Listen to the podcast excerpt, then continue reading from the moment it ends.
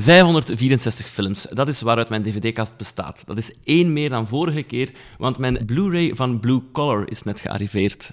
Dat is een film van Oh, Paul Schrader. ja, een film dat hij zelf heeft geregisseerd. En waar dat ze in een andere podcast, die van Sven de Ridder, lined enthousiast over zijn. Dus Even kijken what the fuzz is about. ja, ja, dus ik ben overstag gegaan. 30 euro. 30 euro. Ja, voor zo'n... Dat is ook zo'n Criterion-uitgave. Ah, oké, maar wel met extras dan, hoop Ja, ik. ja, ja, zo. ja. En dan vind ik die film ook... Ik, ik kijk wel altijd gefocuster ernaar, omdat ik denk, ik moet dit goed vinden, want het heeft me al te veel geld gekost. Ja. Ehm, maar deze keer bespreek ik drie andere films uit mijn verzameling, zorgvuldig uitgekozen door een master in theater- en filmwetenschappen, die eveneens ook stemactrice is en vaak host van menig filmevents. En dan heb ik het over Brit Valkenborst. Oh, ik had al zenuwen voor hoe dat je mij zou voorstellen. Ja. Ja, ben ik iets vergeten? Nee. Ah, oké. Want ik vroeg me af of dat influencer erbij mocht, moest, kan. Ik weet het niet goed. Ik vind dat zelf niet echt. Ik heb ook Nee. niet zoveel volgers of zo. Maar als het dan over film gaat, misschien wel. Ja, ja. Ik heb wel veel volgers die met film bezig zijn. Oké. Ja, maar het is ook zo dat ik u ehm, op het spoor ben gekomen. Kijk eens aan. ja, Ja, ja. dan vind ik het wel fijn. Maar op alle andere vlakken niet echt, denk ik. Nee. Nee. Ik zit ook niet zoveel meer op Instagram eigenlijk. Ik vind het ook een spannend eh, gesprek, omdat jij dus eigenlijk de eerste gediplomeerde filmexperte Ja, bent. maar daarom dat ik zenuwen had. Je Is gaat waar? zo teleurgesteld zijn. Ah, nee. Het is ook al tien jaar geleden. En ehm, ja, ik weet niet. Ik ben daar uit die opleiding gekomen met meer vragen dan dat ik er binnenkwam of zo. Ah ja, er is zo'n hele wereld opengegaan. En je beseft aan het einde van de opleiding, eigenlijk weet ik niks. Ja, en maar het was in. Antwerpen dat je dat hebt Ja, hier op de Universiteit Antwerpen. ja, ja. Wel echt de beste tijd van mijn leven. Ik vond dat echt. Dat is heel veel films kijken, vermoed ik Heel veel films kijken, heel veel nieuwe dingen bijleren. Eh, over dingen nadenken waar je vroeger nooit over nadacht. Maar de consequentie daarvan is dat je nooit nog naar een film kunt kijken zonder aan die dingen te denken. Dus wat doe ik om mijn, ehm, op mijn hoofd af te zetten? Ik kijk naar The Real Housewives of Beverly Hills. Oké, ja, die ken ik niet. Ja, maar, dat ehm, is gewoon echt platte tv. Ja, ja. Erg. Ja, maar kijk. Het ding is, ik ben altijd opgegroeid met VT4 rond mij. Dus ik heb ook wel een liefde voor de trash-tv vaak. Toch? Ja, ja, Ja. ja. ja, ik ben heel blij dat ik ook bij... bij ik heb, dat is nu totaal off topic, maar ik heb zo'n archiefprogramma Het is gebeurd gemaakt. En ik heb dus alle afleveringen van Vennebos... Ik denk dat er misschien drie mensen in Vlaanderen zijn die dat hebben bekeken. Dat is echt iets... eh, Ja, ik heb ook de. Wikipedia-pagina aangemaakt van Vennebos. Oh, ongelooflijk. Dus, ik begrijp de liefde voor, voor Beverly... Wat was het? Beverly... Real Housewives of Beverly Ah, Real- Hills. Ja. Op uw Wikipedia stond ook stemactrice van Lego Batman-film. ja. Ik denk, want mijn zoon is wel zo into Lego-film, dat je dan ongetwijfeld wel in mijn living een paar keer gepasseerd zult Of zijn. is dat misschien de Nederlandse versie? Want dat is vaak. hè. Ah, ja, ze, maken dan zo'n, ze maken een Vlaamse versie voor dan drie weken in de cinema te hebben en dan brengen ze dat niet uit. En was het een grote rol dat je daar had? Het was Harley Quinn, dus eh, in die film niet zo heel groot, maar toch ook meer dan twee zinnetjes. Dus dat was heel fijn. Dat was ook de eerste keer dat ik echt een rolletje speelde. Binnenkort komt eh, Knor uit, daar heb ik ook een klein... Ah, ja. Het zijn altijd kleine rolletjes. Maar dat snap ik wel. De grote rollen gaan altijd naar de BV's. Ja, dus nog even en dan kan het altijd. eh, kan het. Wie altijd, weet. hè. Ehm, ik heb mezelf ook gevraagd om, om bij u thuis te komen, omdat ik altijd wil kijken naar eh, de dvd's. Ik ga meteen op Ja, elkaar sorry, spelen. ja. Ze, zijn, ze zijn niet aanwezig. Er zijn geen dvd's, maar wel, als je oplet, andere dingen aanwezig die mijn liefde voor film ehm, aanwijzen, zoals posters. Eh, ik ga Ehm, keer kijken direct. Als je tussen mijn platen zou gaan kijken, dan zou je ook platen Oké, ontdekken. ja. En de dvd's, ik heb er, maar die staan allemaal in mijn ouderlijk huis.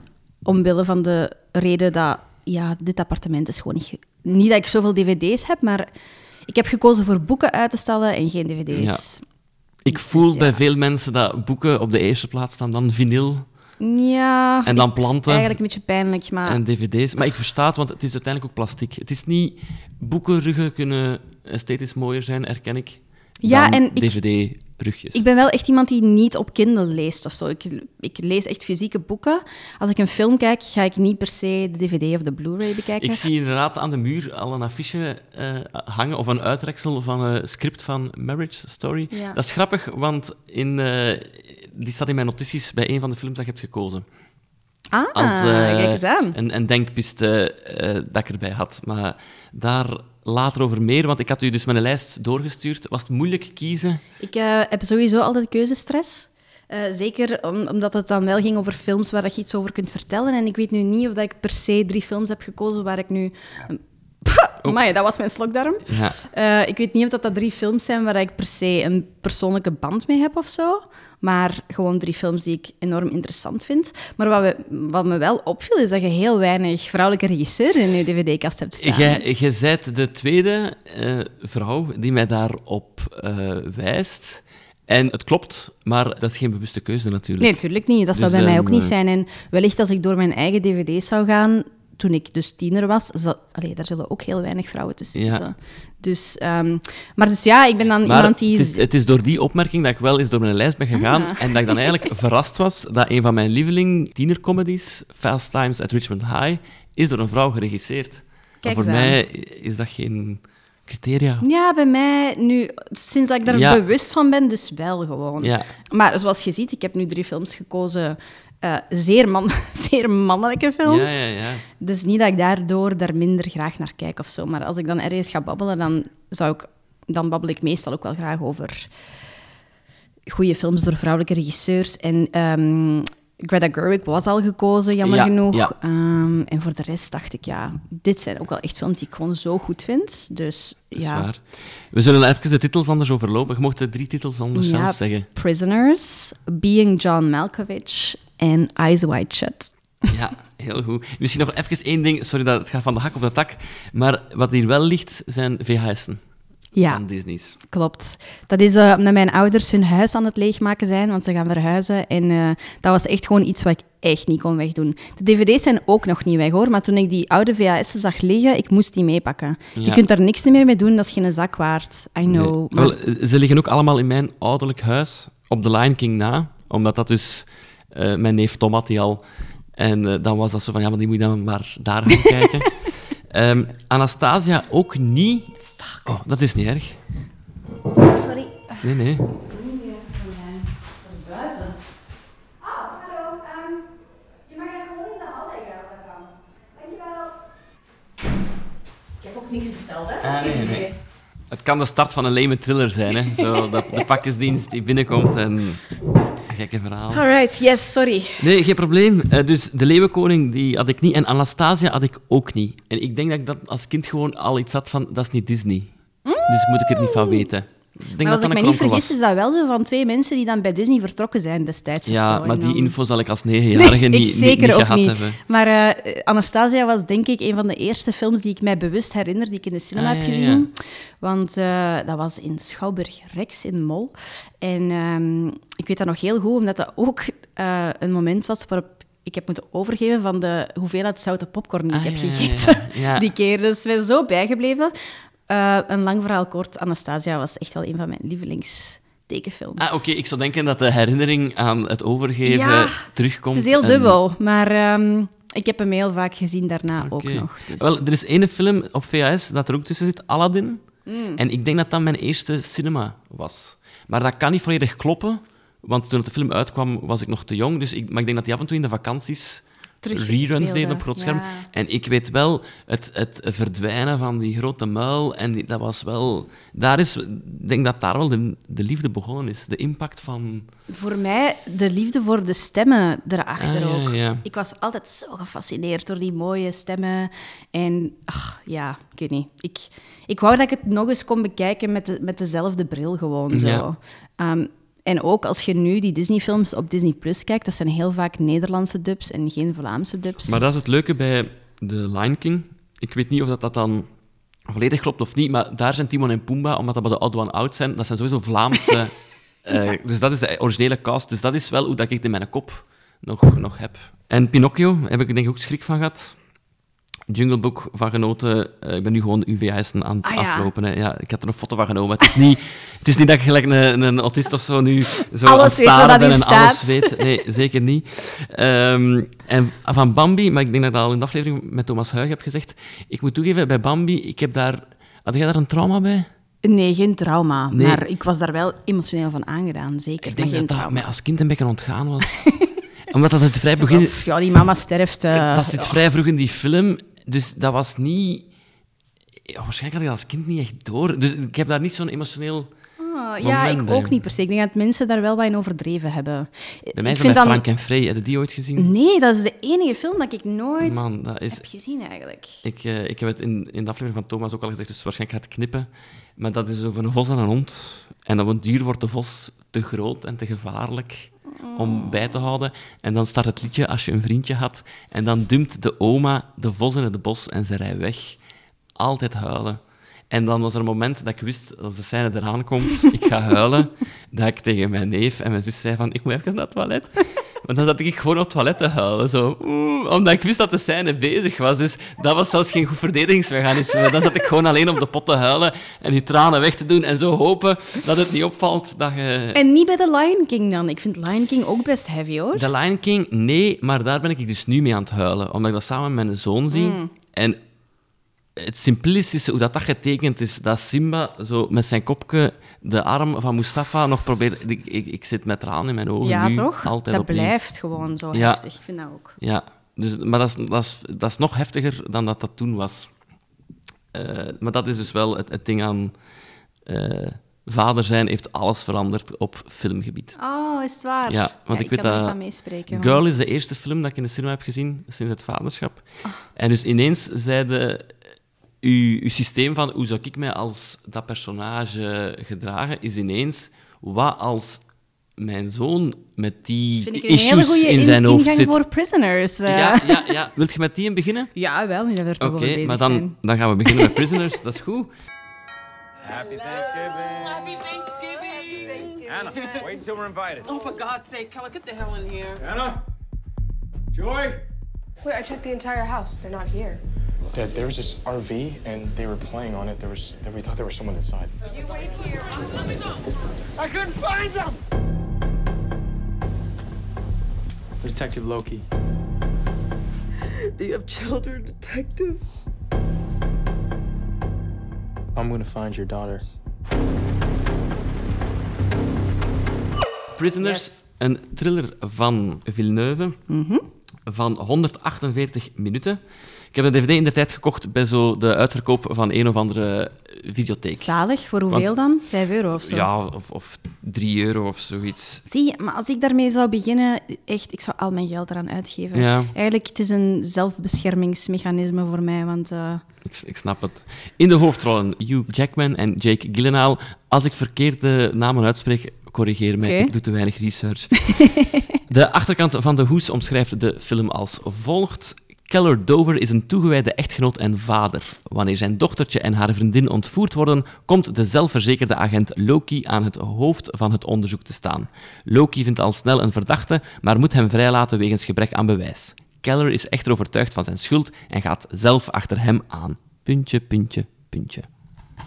Waarom heb je deze film gekozen? ah, de eerste keer dat ik die zag, die film is trouwens tien jaar oud, hè? Maar goed, de Heb je hem in de eerste cinema keer... ge- gezien? Nee, ik heb Nee, hem niet in de cinema gezien. Nee. Bij mij was de eerste eh, Netflix. Ja, ik denk ook... Ik weet niet of het bij mij Netflix was of op een andere, niet nader genoemde manier. Ja. Toen ik eh, op de universiteit zat. Ehm, maar de eerste keer dat ik die zag, had hij... Je kijkt die dan op een oppervlakkig level of zo. Het is een revenge slash whodunit verhaal. Cool. Jake Gyllenhaal speelt erin mee. Cool. Ehm, het zag er heel vet uit. En dan heb ik daar, ja, ik, ik was daar niet van aangedaan. Ik vond dat een mooie film, maar dat was niet echt blijven hangen of zo. Het is pas toen ik research begon te doen naar revenge stories, dat die terug naar boven kwam en dat ik die daarna inderdaad nog twee keer op Netflix Ah, of zo heb gezien. ja, ja. Ehm, waarna ik er ook achter kwam dat het, het, is, het is wel revenge, maar ook niet echt. Ik, het sprak mij vooral aan omdat het eigenlijk in de kern een, ehm, gewoon een man is die de controle verliest. En dat vind ik daar heel interessant aan. Ehm, en de, ja, als je mij laat doen, dan blijf ik doorwabbelen. Ehm, ja, ik, dus ik heb hem niet nog eens opnieuw gekeken voor deze podcast, omdat ik hem denk, ik zou eens op Letterboxd moeten zien, maar ik heb hem res- redelijk recent Ja, nog ja, ja. bekeken, een half jaar geleden of zo misschien, omdat ik heel specifiek aan het researchen was naar dingen. En elke keer dat je hem kijkt, dan komt daar iets nieuws uit. En ja, dat zijn mijn lievelingsfilms gewoon. Oké, oké. Wel, ik vind, ik vind het interessant. Ik heb hem wel herbekeken. En bij mij was het ook, de eerste keer dat ik hem had gezien, was zo een perfecte vrijdagavondfilm. Ja. Een thriller. Je zei wel ervan aangedaan. En ehm, de kracht van de film was ook, ik was echt volledig hooked. En pas zo een half uur later, als ik in mijn bed aan het slapen was, begon er zo stilletjes aan wel te denken van, ah, maar dat is qua plot een beetje een plothole. Maar het is geen ergernis tijdens het kijken zelf. Wat Ja, sommige exact. andere films wel kan zijn, van, ah, dit klopt niet of zo. Maar hier was ik volledig mee mee. Dus ik was nu wel eh, nieuwsgierig, omdat het plot... Ik wist het niet meer volledig, maar als de film dan bezig was, begon het weer in elkaar te klikken. En dan vraag ik me af, ah ja, blijft het nog overeind? Ehm, maar ik vind, ik vind het wel dat het, eh, zeker het eerste uur, staat nog altijd als een huis en heeft nog altijd dezelfde emoties. Daarna zijn er een paar dingen dat je zo, als je weet hoe dat afloopt, Ja. Dat ik wel een paar keer denk van, ah, technisch, dat is toch wel raar. This is a stretch, guys. Ja, Ja. dat dit personage zo lang buiten schot blijft, want dat, die gedraagt zich toch eigenlijk heel verdacht. Dus dat... Maar het is, het is geen... ehm, Je valt er niet over, vind ik. Nee, Allee, je valt er niet over. Ja. Nee. Waar ik wel een beetje over gevallen ben, recenter... ehm, ik weet, ik ga daar niet veel fans mee maken, want heel veel mensen zeggen dat de acteerprestatie van Hugh Jackman supergoed is. Ik vind dat het zo eh, de hele tijd hetzelfde is. Ja. Ik hou daar niet per se van. Jake Gyllenhaal daarentegen vind ik veel sterker. Ehm, natuurlijk, ze kunnen niet alle twee hetzelfde doen, maar ik denk als Hugh Jackman gewoon iets... ehm, ja, hoe moet ik het zeggen? gewoon niet, het obvious, niet de obvious boze papa zou zijn, dat het misschien nog veel sterker was geweest. Ja. Ehm, dus ja, er zijn ook wel dingen waar ik nu van denk, ja, het is geen perfecte film, maar het blijft nog altijd een supergoeie film. Ja. Zeker, zeker. Ik denk, bij mij, de enige dingen dat ik nu dacht van, ah, dat is een beetje stoned, is dat Hugh Jackman zo eh, een heel slim plan heeft op een bepaald moment, dat hij zo doet alsof hij zat is. Dus dat het dan ook een goede acteur blijkt te zijn als vader. En dan denk ik van, ah, dat is wel wat een, wat een grote stretch. En dan de tante, ik ga nog spoilervrij blijven, maar die blijft echt nu lang buiten schot. Dat ik denk van, dat is toch wel een piste... Daar hadden we eerder Jake, kunnen- daar had je toch als ervaren, zelfzekere... Als agent die alle cases Agent, oplost, ja. is dat toch wel vreemd, is dat toch wel vreemd, hè? Ja. Ik vind de, die obsessie met die maze ehm, is Ja. iets dat mij dan harder stoort. Ah, wel, ja, dat had ik hier ook nog opgeschreven. De man met de kap in het huis is echt alleen maar als de spanning goed uitkomt. Ja. Dat is echt scenarieel makkelijk. Had beter gekund, Ja, ja. die, die duikt gewoon op wanneer dat de film het nodig heeft. En de eerste keer is dat heel spannend, omdat je niet weet wie het is en zo. Maar nu weten van, dit is een raar zijplot.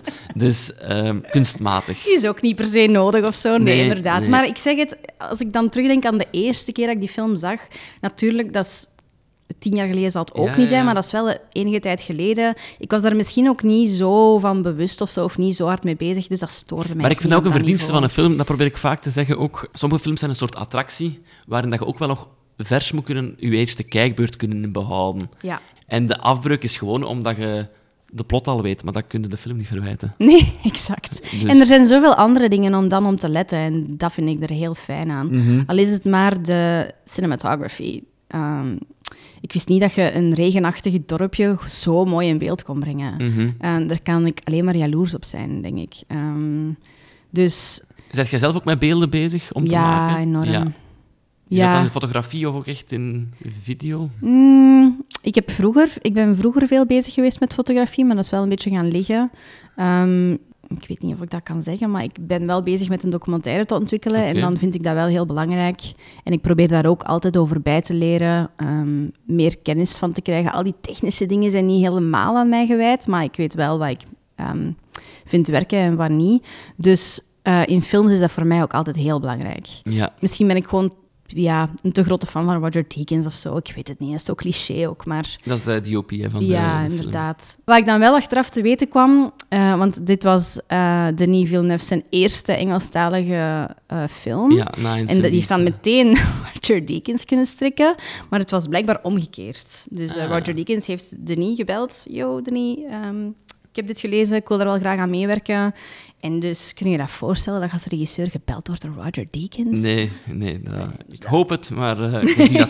hij heeft nogthans zijn, mijn nummer. Ik zeg via Instagram al meermaals gestuurd, maar... eh, Ooit. Ooit. ooit. Je zei dat je hem vaak als research had bekeken. Is dat dan voor een bepaald project? Mm. Ja. Of. Ik heb vorig jaar ehm, het scenarioatelier doorlopen. Dus ik had Ja. een, ehm, een idee voor een film. Eh, ook een revenge film. En dus eh, ja, ik was ineens... Ik vind het altijd heel goed als je bewust bent van wat er al bestaat in het genre. Dus ik heb dan heel veel bekeken en ik kwam dan terug op Prisoners. Ik vind het heel fijn hoe dat een film eigenlijk heel commercieel interessant is en een heel breed publiek kan trekken door mensen aan te trekken met dingen als... Het is, ik weet niet wat er op het doosje stond, ik ben het weer al vergeten, maar het is... ehm, Een ijzersterke morele thriller die doet denken aan Seven en Zodiac. Ja, voilà, exact. Dus je trekt daar een heel breed publiek mee, maar ook voor de, tussen haakjes, meerwaardezoekers, sorry hiervoor, ehm, is er ook gewoon nog veel te ontdekken. En dat vind ik meestal de interessantste films. Dus Ja. ik vind het heel goed dat hij aan, op het eerste niveau zich voordoet als een revenge film, maar eigenlijk over veel diepere thema's gaat dan dat. En ehm, daarom heb ik die ook bekeken, want ik was... Ik zat in het atelier en je hebt dan een aantal coaches die je begeleiden. En ehm, ik had aanvankelijk ehm, een, ja, een, wat moest ik schrijven? Een logline en dan zo twee pagina's samenvatting of zo. En mijn eerste versie was echt zwaar revenge, revenge. En ik was daar dan toch iets meer van afgestapt. En de coaches bleven maar zeggen van nee, nee, je moet daar echt bij blijven, super interessant, bla, bla, bla, bla. En dus vond ik Prisoners heel interessant, omdat je iets kunt verpakken als, kijk eens, wat een spannende thriller het is, Ja. maar eigenlijk ben ik dit aan het vertellen. Ja, ja, En dat vind ik... ehm, Heb je Promising Young Woman gezien dan? Ja. Ik vond dat een hele goede film. ik ook. Ehm, Een van de betere dat in dat jaar was ik uitgekomen. heb de plaat hier ook staan. Ah ja, voilà. ik heb de Ehm, Blu-ray dan gekocht. Ja, ik heb, ja, ik heb hem toegestuurd gekregen. Influencer en ah zo. ja, tuurlijk. Ja, ja. Dat mag je eruit knippen. Maar ja, dus die film is uitgekomen in het jaar waarin ik zelf een idee had neergeschreven. En dat was dan wel een beetje gênant, want ja, eh, de Ja. rape revenge was dan ineens heel populair. En ik dacht, fuck, dus wilde ik daarvan afwijken. Maar dan de, de coaches daar, die waren van, nee, super interessant. Dus ja, ik vind Promising Young Woman ook enorm... ehm, ik vond dat super amusant. Ik heb die... Dat was tijdens corona, dus ik heb die niet in de cinema gezien. Jij wel? Nee, ook, Nee, eh, ehm, ook gewoon op thuis, Prime, ja. jammer genoeg. Ehm, maar ik heb die dan voor een tweede keer gezien en dan wordt die minder interessant, vind Ah ja, ik. oké. Eh, omdat het daar toch iets meer op oppervlakkige levels afspeelt en minder diepgaand is, vind ik. En ook, I'm sorry, maar dat einde... pff, ik vond dat helemaal niet... Ja, ik weet het niet. Er was één ding dat mij stoorde aan... Ik denk dat het aan haar, eh, haar partner was, maar het is te vaag, het zit te ver weg. Maar dat die dan uiteindelijk een soort twist doet, dat ik dan denk, dat geloof ik niet. Exact. Dus er, Daar was het. ook daar in het scenario zijn een aantal dingen waarvan ik dacht, je wilde gewoon Ja. dat je personage deze kant uitging, maar eigenlijk klopt dat helemaal niet. Maar dat zag er ook fantastisch uit. Die soundtrack was keigoed. Allee, ik bedoel, ik heb mij keihard geamuseerd. Ik ben ook blij dat dat zo'n breed platform heeft gekregen. Maar ehm, ik, mist, ja, ik vind dat er in dat thema veel diepere dingen zijn waar je over kunt spreken en Ja. dat heeft ze niet gedaan. Ehm, dus ja, hopelijk kan ik daar ooit iets aan bijdragen. We zullen zien. Ik hoop, het- ik hoop het met u mee. Ja. Een andere film dat ik had opgeschreven, maar het is, eh, het is te lang geleden dat ik hem eigenlijk gezien heb, dus ik weet niet of het klopt. Maar Prisoners heeft in mijn hoofd ook een associatie met een Vlaamse film. De behandeling van Hans Herbots. Ja. Die zit ook Die- heel ver weg Die ik mij. weet als eerste keer bekeken heb, eh, die klikte voor mij ook wel goed in elkaar als thriller, spannende film. Ik, eh, ik heb daar nog zitten denken eigenlijk. Ehm, allee, omdat ik nu wist dat ik over Prisoners moest praten. En dat is zo'n thema dat zo... Ook Vlaams zo, zo goed zou werken. Zo twee meisjes die verdwijnen. Ja, dat zit zo in onze cultuur Mhm. ingebakken. Ik dacht, allee, waarom is, er- waarom is er eigenlijk nog geen Vlaamse Ja. prisoners? En ik heb eigenlijk helemaal niet aan de behandeling gedacht. Want Wat is ik- daar de synopsis van? Eh, dat weet ik niet. Ik ga gewoon een keer spieken of dat die... Van welk jaar? 2014. Dus ik denk dat die wel goed gekeken heeft Oh, naar deze. Qua stijl en qua... ehm, die ga ik nu wel echt eens ja. opnieuw moeten bekijken. Ja. Ik weet dat ik die dan wel in de cinema heb gezien. Ah, ja, oké. Dat is dan ook heel gênant. Of niet, dat is Nee, niet waar. I support niet- eh. Vlaamse cinema. Dus voilà. Ja, ja. Nee, ik heb, ik, ik heb die graag gekeken, maar ik weet niet of dat de herbekijk... Allee, of dat de even hard gaat blijven staan. Kijk, je gaat hem op DVD moeten kopen, zodat iemand hem kan kiezen. Ja, ik ga dat doen. Ehm, zullen we overgaan naar de volgende? Jij mocht opnieuw kiezen. Graag. Ehm The Eyes Wide Shut. Ja, dat is goed. Ja. Suppose I said that all of that was fake.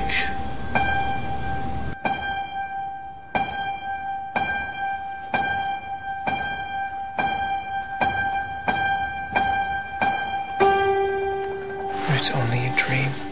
De Hoes zegt thriller van Stanley Kubrick. Eh, 153 minuten. Dat is stevig, hè? Ja, Maar- sorry, ik heb echt films gekozen die echt lang duren. Ja, maar geen probleem, geen probleem. In de hoofdrollen Tom Cruise, Nicole Kidman en Sidney Pollack. De achterkant van de dvd-hoes is een, is een gigantische lap. Ik ga hem lezen. Dus omschrijft de film als volgt. Stanley Kubrick's gedurfde laatste film kan op veel manieren omschreven worden. Als een fascinerende psychoseksuele ervaring. Als een droombeeld dat je blijft achtervolgen. Als een opwindende thriller. Als een mijlpaal in de carrière van steracteurs Tom Cruise en Nicole Kidman. En als een waardig laatste hoofdstuk in de carrière van een briljant regisseur. Dan nu de echte synopsis. Cruise speelt de rol van Dr. William Harford, die zich, nadat zijn vrouw bekend heeft dat ze op seksueel vlak meer verlangt, aan erotische experimenten waagt die zijn huwelijk in gevaar brengen. Ik vind dat niet volledig kloppen. Nee, helemaal niet zelfs. Eh, maar dat is Misschien zo vaak. Ik weet het niet. Ik weet het niet. En waardoor hij misschien zelfs verstrikt raakt in een lugubere moordzaak. Naarmate het, verhaal, naarmate het verhaal evolueert van twijfel en angst naar zelfontdekking en verzoening, voegt Kubrick er meesterlijke elementen aan toe. Stijlvolle opnames met bewegende camera's, een gecontroleerd tempo, levendige kleuren, verrassende beelden. Bravoure stukjes die van Kubrick een onsterfelijke cineast maken en waar je met je ogen wijd open naar kijkt. Ik denk dat Kubrick zich omdraait in zijn graf. Ja, zeker los van de ludieke eindzinnetjes, zijn er twee dingen die ik eh, niet kloppen vind. Het eerste, dus Nicole Kidman die meer verlangt, want eigenlijk is dat niet het geval. Ze vertelt gewoon een droom Ja. zonder daarbij te vertellen dat ze dat echt wilt. Ja. En nog de ehm lugubere moordzaak. Not ja, really. eh, aanwezig, maar, ehm, Niet zo heel belangrijk in het verhaal, dus... ehm, maar naar wie kunnen wij onze klachtenbrief sturen? het is van de Stanley Kubrick Collection. ehm Warner Bros, eh, denk ik Moeten zelf. researchen. Ja. Nee, dat vind ik niet... Dat heb je dan ook Nee. als marketingpersoon uw film moeten samenvatten. Dat is niet altijd een cadeau, denk ik. Hoe zou je hem samenvatten? Eh, Dat is niet on the spot, hè? dat is niet eerlijk van ik mij. denk... maar... ja, in mijn hoofd is het een film over een man die zijn wereld een beetje moet bijsturen nadat zijn vrouw Nicole Kidman inderdaad iets vertelt waar hij gewoon waar zijn wereld van omdraait en waardoor dat zijn eigen fantasieën toch op het voorplan komen en zoiets heeft van ah, jij droomt dat? Wel, misschien moet ik ook mijn dromen eens gaan Ja. uitleven. Ehm, of, enfin, zo, zo zie ik het, maar film is ook gewoon zo leuk omdat iedereen zijn eigen dingen eruit haalt natuurlijk. En Wanneer heb jij die voor het eerst bekeken? Ah, dat is nog voordat ik naar Tunif ging. Maar eh, toen vond ik dat echt maar niks. En dan heb ik die ehm, bij één vak, ik, ik weet niet meer wat het was. Het ging over het acteerwerk van Nicole Kidman. Dus ik, ik neem aan acteeropvattingen of zo. Ehm, kwam dat terug en dan heb ik die nog eens gezien. En dan vond ik die fantastisch. En dan heb ik hem nu opnieuw herbekeken. En ja, ik weet niet wat uw mening gaat zijn, maar ik vond die nog altijd fantastisch om naar te kijken. Ik heb daar echt van genoten om die terug te zien. Ik, dus eh, ja, ik ga zeggen, ik heb hem de eerste keer te jong gezien. Ik Ja. was 2000, denk 2006, 2007 was er zo een tentoonstelling van Kubrick eh, in het Kamersklooster door Filmfestival Gent georganiseerd. ja. En ik wou daar heel graag naar kijken. Ik denk dat ik toen de klassiekers Clockwork Orange en... ach, welke zou ik nog gezien hebben van Kubrick? Full Metal Jacket of zo gezien heb. En dan daar naartoe gegaan. En dan had mijn eh doop Peter de volledige collection, had hij heel veel Oh, dvd's gegeven. En dus alles verslonden, omdat ik dan ook echt zo alle klassiekers wou doen. En ik denk dat ik toen altijd heb gezegd, ah, dat is een goede film, maar zo eh, niet weten over wat dat gaat. snappen. Alles over je hoofd, maar zo, ja, het is de klassieker. Dus eh, whatever. Dus ik vond het heel spannend om terug te kijken. Was het En- de eerste keer dat je hem terug hebt bekeken? Ja, nee, toch? ja, Oh, wauw. ja. Oké. Ja, de runtime Ja. is, is dan moeilijk omdat je wel in één blok wil... Het is wel een sfeervolle film dat je het s'avonds moet opzetten. En, om direct te zeggen, de runtime, hij verveelt niet. Ik Nee. vind dat het... ehm, de bijna drie uur... Je wilt er naar ehm, blijven kijken. ja, ik weet het niet, die heeft het zoiets het bijzonders. Het is heel fascinerend. Het het is een soort trip of zo, waar je in zit, waar ik automatisch weer opnieuw in zat. Dus ik, ik, vind hem, vind hem heel goed. Dat wil ik als eerste stellen. Maar er zijn wel een paar dingen dat ik eh, verwarrend ook vond. In het eh, verhaal? In, het verhaal. Ja. Het begin vond ik verwarrend. Nicole Kidman Mhm. die danst met die vent. Ik versta niet waarom dat ze die een teest. Is dat pleasen of niet? Want dat is zo'n douchebag waar dat ze Ja, dat mee een- danst. Dat is een tegenreactie uit... eh, want ik denk dat de allereerste scène, daar staat ze dan naakt in, de, in haar eh, kamer. En Ja. dan is ze zich aan het klaarmaken voor het feest. En zegt ze... eh, wat vinden van mijn haar of zo? Of ik niet, wat, hoe zie ik eruit? En het personage van Tom Cruise kijkt zelfs niet naar haar en zegt, you look great. En je voelt, er, je voelt heel hard van... Allee, ik denk dat wij allemaal zoiets hebben van... Yo, dat is Nicole Kidman in haar Mhm. 30... Allee, die was daar 30, die zag er fucking goed uit. En het personage van Tom Cruise zegt gewoon... You look great, baby. En ik kijk daar nog niet eens aan. En dat is voor een vrouw... en Ik denk ook voor mannen... dat is... Je bent gewoon gewoon geworden Ja. aan... En ik denk dat dat een tegenreactie is. Ah, ja. Want ik dacht vaak van, je hoeft het niet te pikken, wat die vent allemaal doet. Oh, ik verstond dat wel heel Ah, erg. ja, is misschien gewoon een eh vrouwendingetje of zo. ik weet het niet. Maar over Nicole Kidman gesproken, en zeker over haar prestatie, ik vind ook dat die een beetje ondergebruikt wordt. Want in sommige synopsis leest je dat ze psychiater is, en dat haal ik wel niet uit die film. Eigenlijk is die gewoon een huisvrouw Ja, klopt. op basis van die film. En ook al vind ik haar acteerprestaties goed, ik, vind dat, ik, vind, ik mis haar wel een beetje doorheen Wel, de film. Ik vraag me gewoon heel erg af welke beelden dat daar nog van zijn. Want die film, die hebben... Hoeveel draaidagen zijn het? Die staan in de Guinness Book of World Ja, Records. belachelijk veel, 400 dagen. Dus daar is belachelijk veel Ja. gedraaid. Ik geloof niet dat je voor deze film 400 draaidagen nodig had. Dus ik vraag me gewoon af... Maar er is zoveel zot gebeurd. In die zin, ik weet wat ik altijd... Sorry, daar is mijn slok dan weer. Kijk eens aan. Hey. Het zal iets met de koffie te maken hebben, denk ik. Eh, ik herinner mij ook een making-of foto van Tom Cruise die achter een green key staat op een loopband. Dus alle gewone loopjes in New York is ook in studio gedaan, omdat Kubrick blijkbaar niet... eh, Ja, die wilde heel graag die artifice daarvan tonen, Ja. denk ik ook. En ehm, in de acteren zit dat ook keihard. Mhm. En dat is wat ik dan onthouden heb uit die les. ehm, waar dat ik vroeger, toen ik daar... En daarom heb ik hem ook gekozen, omdat er toen op dat moment in die les dat ik besefte van oké, een regisseur kan soms met een bepaalde ehm, acteursregie wel iets anders bedoelen of zo. Terwijl ik vroeger zou gezegd hebben, oh, maar die Nicole Kidman overact alles, trekt op niks, la la la. En vanaf dat je beseft van, ah, oké, dat was de bedoeling. En hij wilde dat je er een beetje afstand van hield als je Ja. ernaar keek, dan begon ik daar wel zo iets meer... wel, eh, want overacting vind ik het niet, maar het is inderdaad een soort afstandelijkheid waardoor dat je in een soort droom ja, terechtkomt. het voelt gewoon heel vreemd aan, Ja. maar het is gewoon zo aantrekkelijk om naar te kijken. Ik weet het niet, het is zo vreemd. Ja. De, de scène in de Rainbow-winkel eh, is super grappig ook, super goed. Allee, die awkward, dat vind ik... En zo zitten er heel veel scènes in die heel, heel goed zijn. Dus ik vind het een goede trip. Maar in het verhaal eh, vind ik dan zo... Tom Cruise ook een beetje raar. Ik weet niet wat ik daarvan moet vinden. Maar dat is waarschijnlijk omdat het te complex is voor mij of zo. Maar eigenlijk is dat gewoon een vent die zijn, eh, zijn lul achterna loopt. En sommige dingen vat ik dan wel. Eh, eh, Zijn de lul of zijn ego, vind ik meer. Ja, ja, ik vind ah, hem zijn ego achterna Bij mij was het dan eerder, want ik snap wel de thematiek die wordt aangeboord over, over ontrouw en relatie. En, en, dus ik vind het heel interessant. Maar als hij dan zo die escorte Sally Ja. opnieuw gaat bezoeken en de huis, eh, haar huisgenote is daar. Hij gaat direct along met die anderen ook. En dan denk ik van, ah, maar dat vind ik nu Gast. raar. Allee, want dat je, dat je een soort van connectie met iemand hebt, oké, maar ze is niet thuis, dus we pakken de ander, geen probleem. vind ik zo... Ja, je kunt niet echt routen voor een personage of zo. Ah, ik voelde gewoon heel erg aan dat eh, alles...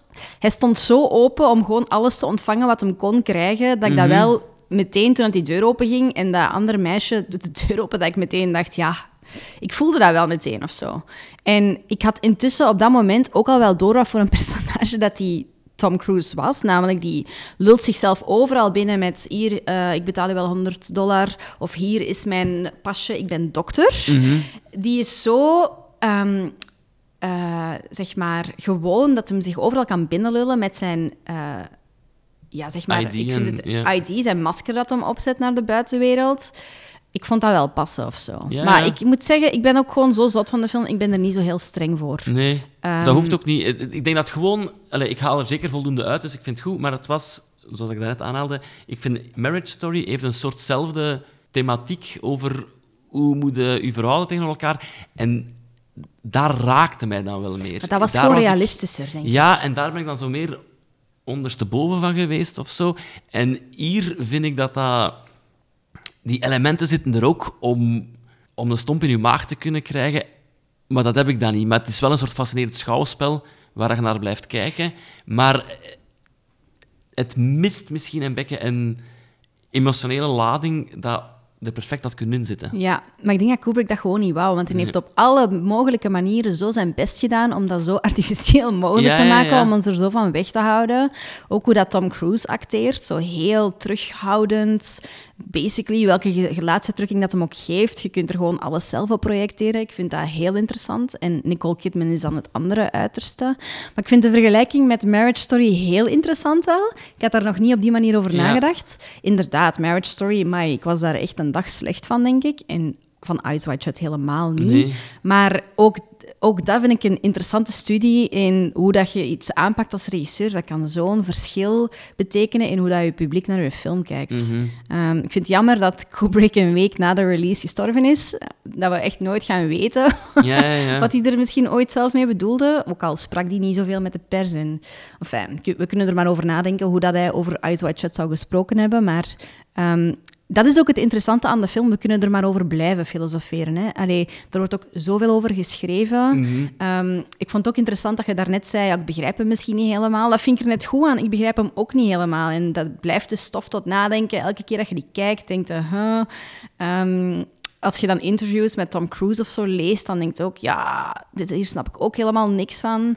Het is niet voor iedereen, denk ik, maar... Nee, alhoewel dat ik vind, als, als filmliefhebber ga je er wel altijd iets uithalen. Want de, de, de Rainbow-scène van daarnet bijvoorbeeld, of andere dingen, het ziet er allemaal heel goed uit. Het En- ziet er zo goed uit, ja. En dus ik, ik verschrok enorm van... ehm, toen ik ook de foto's zag van Tom Cruise op een loopband, Ja. met dan zo die shots van New York achter zich. Ehm, ik moest daar enorm mee lachen, Ja. ja. Ehm, Het is wel makkelijk. Allee, je moet je niet aankleden, je zit gewoon achter je monitor. Dus ik, ik eh, snap het wel. Maar tegelijkertijd is het zo... Is dat geld dan allemaal goed uitbesteed? Want ja, want het was ook een hele dure film, het is toch? een hele dure film en... maakt is dat dat geld naartoe verschil? gegaan? Ja, het is wel zot, want je ziet niet dat Green Key is. Dus, dus dat is heel goed gedaan, maar was het nodig? Dus, dus, ehm, En tegelijkertijd voelt het toch heel fake aan, want jij weet dat New York er niet zo uitziet. Ja. Jij weet dat als jij New York draait, dat jij tussen honderdduizend andere mensen aan het wandelen bent. En Mhm. dat je niet de enige bent die daar op straat wandelt. Dat vind ik er ook zo boeiend aan. Elke keer dat hij door de village wandelt, denk ik, huh? ja, misschien is dat inderdaad... net- al- Alhoewel dat ik dan denk van... Datzelfde effect heb je ook als je één blok afzet Ja. en geen figuranten gebruikt. Ja, dat is waar. Dus... ehm, Veel dingen om over te babbelen en over na te denken. Ja. En uiteindelijk zullen we het nooit weten. denk. Nee.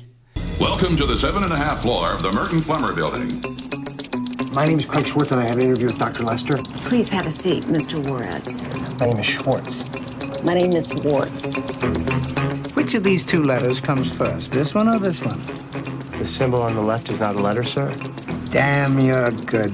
Do you know that I don't even know your name or where you work? And 50 other lines to get into a girl's pants. So, honey, you thought any more about us having a baby? I think that maybe we should just wait and see if this job thing pays off. There's a tiny door in my office, Maxine, and it takes you inside John Malkovich. Being John Malkovich. Ook uit 99, Ja. door Spike Jones met John Cusack, Cameron Diaz, Catherine Keener en uiteraard John Malkovich zelf. Achterkant van de DVD omschrijft de film als volgt. Craig Schwartz is een wat banale poppenspeler die noodgedwongen bijklust als administratief hulpje. Zijn kantoortje bevindt zich op de 7,5 verdieping van een vervallen wolkenkrabber. Craig heeft genoeg van zijn uitgebluste huwelijk met Lotte en valt voor de knappe, maar zeer onbereikbare Maxine. Uit pure frustratie stort hij zich op zijn werk en ontdekt hij een geheimzinnige doorgang achter een van de kasten in zijn kantoor. De doorgang leidt naar een smalle, donkere tunnel. Tot zijn grote verbazing wordt Craig letterlijk meegezogen door de tunnel en belandt hij in het hoofd van John Malkovich. Hij is John Malkovich. Dat had misschien wat enthousiaster moeten zijn. hij is John is Malkovich. John Malkovich. En dat is slechts het begin. Ook niet zo'n heel wervende tekst, vind ik. Nee, nee, maar ik weet ook niet wat dat je kunt zeggen zonder prijs te geven. En, eh, Ja, letterlijk de, waar zij mee begonnen zijn. Hoe, hoe zou het voelen om in iemand anders zijn Ja. hoofd te zitten of zo? Ik weet het niet. ik was heel blij dat ik die nog eens opnieuw heb gezien, want Ja. ik had daar goede herinneringen aan. Ja. Wanneer heb jij hem voor het eerst gezien? Ik denk een keer op Canvas. Hmm. Zo een, een zomer op Canvas. Ik was, ik was wel wild van die film. Gewoon omdat hij zo gek is gewoon. Ja. Dat is gewoon... je gaat erin mee en het maakt niet uit dat het allemaal misschien niet klopt. Dat vind ik er ook heel tof aan. Die regels van de wereld worden niet uitgelegd. Je hebt zoiets van, je stapt erin mee of je stapt er niet in mee, jij kiest. En dat vind voilà. ik gewoon het fascinerende aan die film. Dat is eigenlijk, ah, van op een afstand is dat van de pot gerukt, absurd, raar verhaal. En er is geen enkel ding dat ik in twijfel trek. Dat is zo realistisch goed gebracht. dat ik gelooft het gewoon. alles aanneem. Ja. En ik vind dat bijna een perfecte film op scenario-niveau. Dat dat zo goed in elkaar klikt en dat je nooit denkt van, hier zijn mij kwijt. Nee, je wordt eh, zelf meegetrokken in die tunnel. En ehm, heel goed. Ja, ik heb hem dus gekozen, want ik denk dat jij nog wel andere eh, Spike Jones films Ja. op je lijst had. Adaptation? Ja, ja. Dus ik heb heel lang getwijfeld tussen die twee. Maar ik heb dan toch deze gekozen, omdat het de eerste... allee, omdat het voor eh, Charlie Kaufman zijn eerste langspeelfilm was, maar ook voor Spike Jones, zijn eerste samenwerking samen. Ja, veel om over te babbelen, denk ik. En ook gewoon dat zo... Adaptation is ook echt geflipt, ehm, maar dit was de start van alles. Ja. En, ehm, En Ja. ik denk dat Adaptation, wat ik daarmee van herinner, ik vond die ook goed, maar dat is ook een beetje een metaniveau van hoe dat film wordt gemaakt. Dat is het scenario en de schrijver die zelf inbreekt in de film of zo. ja, het gaat over... Wat, wat meer in-crowd dreigt te Ja. worden, vaak. Maar deze is, is heel naturel. En opnieuw een film die eigenlijk heel breed mensen kan aanspreken en tegelijkertijd ook veel meer te bieden hebt als je er in, allez, als je je er wilt in verdiepen, dan is dat er ook. Dat vind ik er echt fantastisch aan. Wel, ik vind, het- want het was mij een beetje ontgaan hoe, dat, hoe hard dat een comedy ook was. Ja, het is, ik vind het gewoon De- comedy. Het is gewoon de grappig. timing is perfect bijna. Ik heb, ik heb een paar dingen opgeschreven. Dat hij heeft zo net lappen gekregen, omdat zijn poppenspel op straat is iets te obscene. En kinderen kijken ernaar. Dus hij heeft een lap op zijn gezicht gekregen en komt terug bij Cameron Diaz. En die haar eerste reactie is, honey, not again.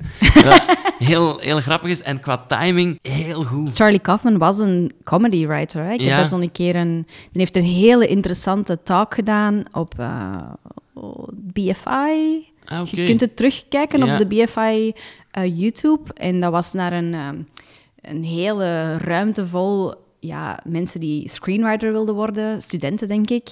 En hij moest daar een uur gaan babbelen en hij heeft uiteindelijk niks, niet verteld hoe dat je een goed scenario schrijft, maar hij heeft eigenlijk alles verteld hoe je het niet doet. Ja. En dan vertelt hij dat hij eigenlijk dit scenario heeft geschreven omdat hij dus eh, voor comedy sitcoms werkte. En dus hij had niet echt een, ehm, een volgende job. Dus hij heeft dit als spec-script geschreven. Hij dacht niet dat dit ging gemaakt worden. En kijk, het is dan toch gemaakt. En dan ook nog eens volgens hoe dat hij het zag. Hij heeft niet echt compromissen moeten Mhm. sluiten. Ehm, dus in veel gevallen is dit... Want daarna, de films van Charlie Kaufman zijn heel ser- serieus. Is misschien wat overdreven, maar wel, zijn wel donkerder geworden. Ja, ja. En ik heb dus deze ook uitgekozen omdat je hier echt nog bij de jonge... Ik weet niet hoe jong dat hem was, maar zeg maar bij de jongere Charlie Kaufman terechtkomt, waar dat hij nog zit te schipperen tussen... Wat ga ik doen? Wil ik verder comedy doen? Wil ik, wil ik eh, dramafilms gaan doen? Maar ik, Ehm, ik, ik, het verbaast me niet, ik wist het niet, maar de sitcom-snedigheid zit heel vaak in die film. En een van mijn favoriete scènes is als, eh, dus voor de mensen die niet mee zijn, hij zoekt een job, omdat het poppen... Hij is eigenlijk poppenspeler, maar dat brengt niet op. Dus hij moet dan gaan solliciteren. De eh, secretaresse, of die aan het onthaal, die verstaat hem niet. Terwijl hij perfect... dus hij zegt... eh, zalige Schwartz, joke. Juartes, en dan... dat, dat klopt dan niet. Dus dan wordt hij binnengeroepen als Juartes. En dan zit hij tegenover die een baas en dan zegt hij van hello, Juartes. En dan I'm not Juartes, I'm Schwartz. En dan zegt hij meteen security, die duwt op zijn knop, security. En dan zegt nee, nee, nee, het, is, het is niet dat ik iemand anders ben, het is gewoon niet Juartes. Maar hoe, hoe snel dat die pingpongs Het daar beste zitten... aan die mop is ook gewoon dat dus die secretaresse heeft gewoon naar een baas wijsgemaakt dat hij Ja. slecht, dat hij gewoon niet goed spreekt, omdat zij niks verstaat. Zij verstaat niet, dus iedereen rond haar heeft gewoon een spraakgebrek. Dus dat... Ja, Maar ook gewoon hoe dat je die scène binnenkomt, is gewoon super grappig. Mhm. dat heb ik dus pas ontdekt toen ik de film herbekeek. Dat is, Octav is dat Octavia Spencer? Ehm, dat weet ik die uit. Hidden Figures is daar, dat is Ja. waarschijnlijk zo een van de eerste rolletjes. Ehm, en dus die, die staat echt zo, oké, 7,5. Oké, en die houdt haar hand op die, op Ja, die ja, ja, knoppen ja. en die moeten dan echt zo manueel stoppen op verdieping 7,5, waar dan alles te klein is. Gewoon dat, hoe dat die acteurs alles... Ja, zo serieus nemen. Ja. Het, het is perfecte comedy. Wat heel vaak gebeurt, is... Ze spelen het ook niet grappig. Het is allemaal serieus, het is allemaal een beetje deprimerend. Maar de wereld is volledig geflipt. Maar je neemt dat aan en voor, voor mensen die nog niet de film gezien hebben en de hoes niet zo duidelijk was, uiteindelijk vindt hij achter een kast een deur en die geeft toegang dat je 15 minuten door de ogen van John Malkovich kijkt. Dat is absurd. Dat is absurd, Ja. maar ja, je zet erin mee. En uiteindelijk, John Malkovich speelt ook heel grappig. Technisch vind ik de scène als John Malkovich dan ook in zijn eigen... Als John Malkovich komt het dan te weten, gaat dan zelf een keer in de tunnel, dus zit 15 John Malkovich in John. Malkovich. Maar hoe dat ze dat technisch gedaan hebben in een tijd waar dat deepfake nog niet bestond, is echt een huzaar. Allee, niet bestond, het was veel moeilijker, Ja, tuurlijk, sowieso. ja. En het is, ja, het is met bewegende camera. Ik, ik snap het niet. Dus dan kijk ik daar echt met open mond naar. En dat was de eerste langspeelfilm van Spike Jones. Ja. Hè? Dat bewijst alleen maar wat een, wat een talent. En die mens heeft dus al tien jaar geen film meer gemaakt. Wist je trouwens dat in Being John Malkovich ook een cameo zat van een andere regisseur hier? Nee. David Fincher. Nee. Zit in deze In- film. In waar? Eh, naar het einde toe is er zo'n documentaire over John Malkovich als geslaagde poppenspeler. Ja. En daar heb je dan... Sean Penn speelt zichzelf Ja, in ja. getuigenis. En dan is er daar een regisseur, en dat is David Fincher. Zijn naam is anders, way. maar dat is ehm, de regisseur van Seven. En, geen, en idee hoe dat hij daar terecht is gekomen? Nee, nee. Tot daar dan Gaan we een keer moeten researchen. Ja, ja, ik vond het al straf dat ik research had gedaan. en dan nog is het niet genoeg. Maar bon, eh, geen probleem, hè. Kunnen we het ook even over Cameron Diaz hebben in deze Ja, film? ja, dat mag. Dat is een mega underrated comedy actress. Die heeft Mhm. zichzelf eigenlijk nooit echt kunnen bewijzen, denk ik. Ik vind dat heel erg dat hij dan op pensioen is moeten gaan. En, Is ik- op pensioen? Ja, ze is op acteerpensioen, maar ze komt dan nu wel terug binnenkort voor iets. Ja, mega underrated. Dus eh Being John Malkovich is een aanrader. Ik denk, maar ik denk dat eigenlijk alle drie de films Aanrader, aanraders zeker. zijn.